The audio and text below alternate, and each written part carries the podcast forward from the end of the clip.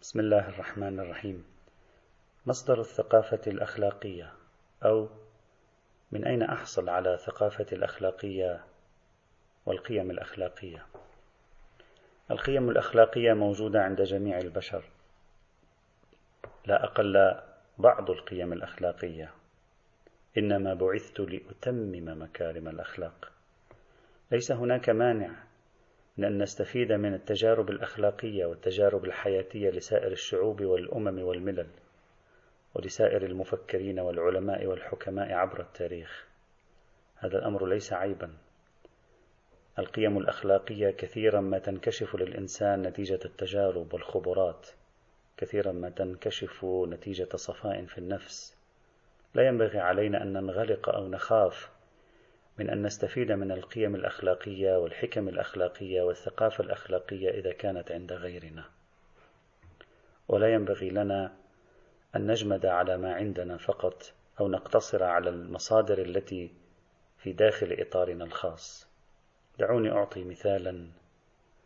مسكويه الرازي أحد كبار علماء المسلمين متوفى سنة 421 للهجرة. عنده كتاب قيم للغاية اسمه الحكمة الخالدة. هذا الكتاب الذي حققه وقدم له الدكتور عبد الرحمن بدوي. في هذا الكتاب ماذا فعل مسكويه الرازي؟ قام بجمع الحكم حكم التجارب قيم أخلاقية مقولات أخلاقية ثقافات أخلاقية. من أين؟ من العربي ومن الهندي. ومن فارس ومن الروم ومن الإسلاميين المحدثين. لم يقل مسكويه الرازي إن الأخلاق لا يمكن أن نتعلمها إلا من الشخص الذي يؤمن بعقيدتي أو هو من أبناء بلدي أو هو من أبناء منطقتي. الرازي ليس هنا استثناء ليس هنا آه، حالة خاصة. كثير من علماء الأخلاق في تاريخنا الإسلامي استفادوا من التجارب الأخلاقية والقيم الأخلاقية التي جاءت بها الأمم والشعوب من خلال تجاربها الإيمانية وتجاربها في الصفاء الروحي وتجاربها في الحياة. عندما يقول مسكويه الرازي ذلك مسكويه الرازي ليس شخصا غريبا عن عالم الأخلاق. مسكويه الرازي صاحب كتاب تهذيب الأخلاق أحد الكتب بالغة الأهمية في تراثنا الإسلامي الأخلاقي.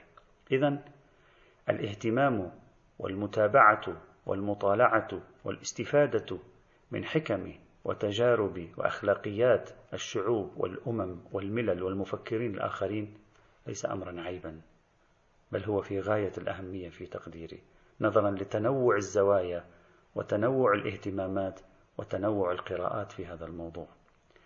لكن ما أريد أن أشير إليه هنا في هذا السياق هو أن ننتبه عندما تنتشر حكم أخلاقية في وسائل التواصل الاجتماعي ونراها في في الشبكة العنكبوتية أو نقرأها في الكتب علينا أن ننتبه ليس كل شيء يطرح كقيمة أخلاقية أو كفكرة أخلاقية فإن علي أن أتقبله. أن علي أن أزنه في بعض الأحيان أرصده في بعض الأحيان أتأمل فيه في بعض الأحيان. لعله يناقض ثقافتي التي أنا مؤمن بها. لعله يناقض قيما أخلاقية أنا أعتبرها أساسا. على سبيل المثال أحيانا تنتشر الكثير من المواعظ الأخلاقية الآتية من شعوب هنا أو هناك خاصة من الديانات الشرقية الشرق الآسيوي تعطيك إيحاء بأن الإنسان لا قيمة له وأن الإنسان ليس شيئا مثله مثل أي مخلوق في هذه الدنيا في هذا العالم يموت وينتهي ويذهب ولا شيء. تعطيك إحساسا بأنك كالحشرة. لا قيمة لك. ممكن شخص يقول لي هذا شيء يناقض ثقافتي الإيمانية في أن الإنسان في الإيمان الديني الإسلامي هو خليفة الله في الأرض. إذا هناك ثقافة يمكن أن تواجهها هذه القيمة الأخلاقية التي تطرح. هو يريد أن يربيني على التواضع لا بأس لكن لا يمكنني أن أتعامل مع الفكرة بهذه الطريقة. على سبيل المثال تغزون الكثير من المقاطع الأخلاقية الصغيرة. التي لا نجد الله حاضرا فيها غياب الله عن التفكير الثقافي غياب الله عن الإطار الأخلاقي هو أيضا شيء يصادم ويتصادم مع ثقافتنا الإسلامية فعلينا الانتباه له إلى أن لا نغرق فنشعر في نهاية المطاف أننا بنينا منظومة أخلاقية وتربينا من حيث لا نشعر على منظومة أخلاقية الله ليس أساسا فيها. لماذا أقول ذلك؟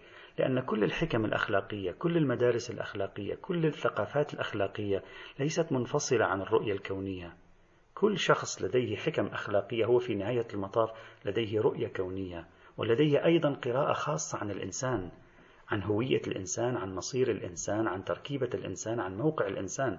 إذا خلف كل حكمة أخلاقية هناك فلسفة، وبالتالي إذا تعارضت الفلسفات من الممكن أن تتعارض أيضا الحكم الأخلاقية. هذا شيء لا أقوله فقط بين الأمم بين الثقافات بين المدارس بل حتى في داخل أوساطنا. بالنسبة لي أعتبر أن المتابعة الروايات الضعيفة على سبيل المثال في قضايا أخلاقية جوهرية قد يكون مضرا. إذا رأينا أن مضمون هذه الرواية الضعيفة ربما بقراءة فلسفية أخلاقية يتعارض مع قيم أخلاقية مقررة في الكتاب وفي السنة. فلا ينبغي لنا أن نأخذ أي شيء يصل إلينا في القضايا الأخلاقية ونعتبر بما أنه أخلاق إذا فلا يضر ونبسط المسألة. إذا القضية تحتاج إلى تأمل. عقيدتي الشخصية أن علينا أن نركز على توسعة آفاقنا في تعلم الأخلاق من جميع الملل والشعوب وكل أصحاب التجارب لكن في الوقت عينه أن تكون لدينا قراءتنا الخاصة أن تكون لدينا تقويماتنا الخاصة لما نقرأ ولما نستمع حتى لا نتربى بشكل عفوي على مفاهيم ربما تكون متصادمة مع فلسفتنا أو مع ديننا أو مع قراءاتنا الخاصة. والحمد لله رب العالمين.